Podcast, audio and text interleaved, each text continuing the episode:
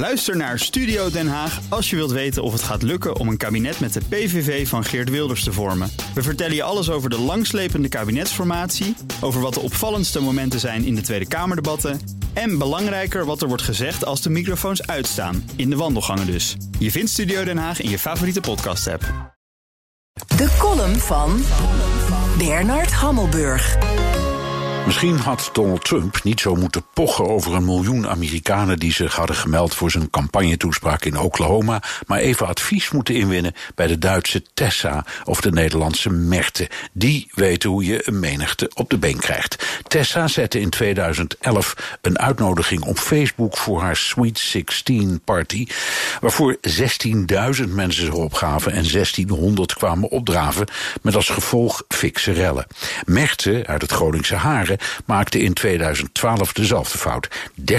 30.000 mensen gaven zich op voor wat Project X zou gaan heten. Compleet met brandstichting, vernielde auto's en verwoeste tuinen. Bij Trump gebeurde het omgekeerde. Die miljoen aanvragen was natuurlijk verkiezingspropaganda. Zelfs de beroemdste popster haalt dat niet. Maar volgens de Washington Post hadden tienduizenden mensen wel degelijk op een oproep voor steun aan Trump geklikt. Alleen de software interpreteerde dat allemaal als bestelde kaartjes. Dus rekende de campagne niet alleen op 19.000 bezoekers, maar op nog een enorme menigte die buiten zou meeluisteren. Uiteindelijk verscheen een onderweldigende opkomst van 6200 Trumpisten. Volgens CNN en de New York Times zat het anders in elkaar. K-pop, het platform voor fans van Koreaanse popmuziek, en het Chinese TikTok, een onder jongeren razend populair platform voor korte video's, overstroomde de Trump-campagne met 700.000 aanvragen voor kaartjes met de nadrukkelijke bedoeling om niet te komen. Een actie van goed deels nog niet stemgerechtigde jongelui die Trump een poepie wilde laten ruiken. Wat hij met Twitter kan, kunnen wij met TikTok en K-pop. Het kan zijn dat tv-presentator en Trump-criticaster Joe Scarborough gelijk had. De mensen tobben over de pandemie en de campagne had veel te optimistische verwachtingen.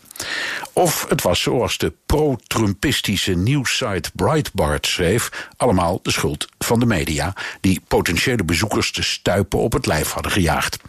Hoe het ook zij, ik voel me gesterkt in mijn wantrouwen tegen het leger van manipulators, complotdenkers, fantasten, leugenaars, dromers, drammers en naïvelingen, jong en oud, die dagelijks de beerput openzetten die ze sociale media noemen.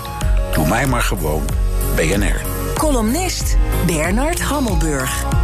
Terugluisteren? Ga naar bnr.nl of de BNR-app. Ook Harm Edens vind je in de BNR-app. Je kunt BNR Duurzaam niet alleen live luisteren in de app, maar ook terugluisteren als podcast, zoals al onze podcasts. En naast dat de BNR-app Breaking News meldt, houden we je ook op de hoogte van het laatste zakelijke nieuws. Download nu de gratis BNR-app en blijf scherp.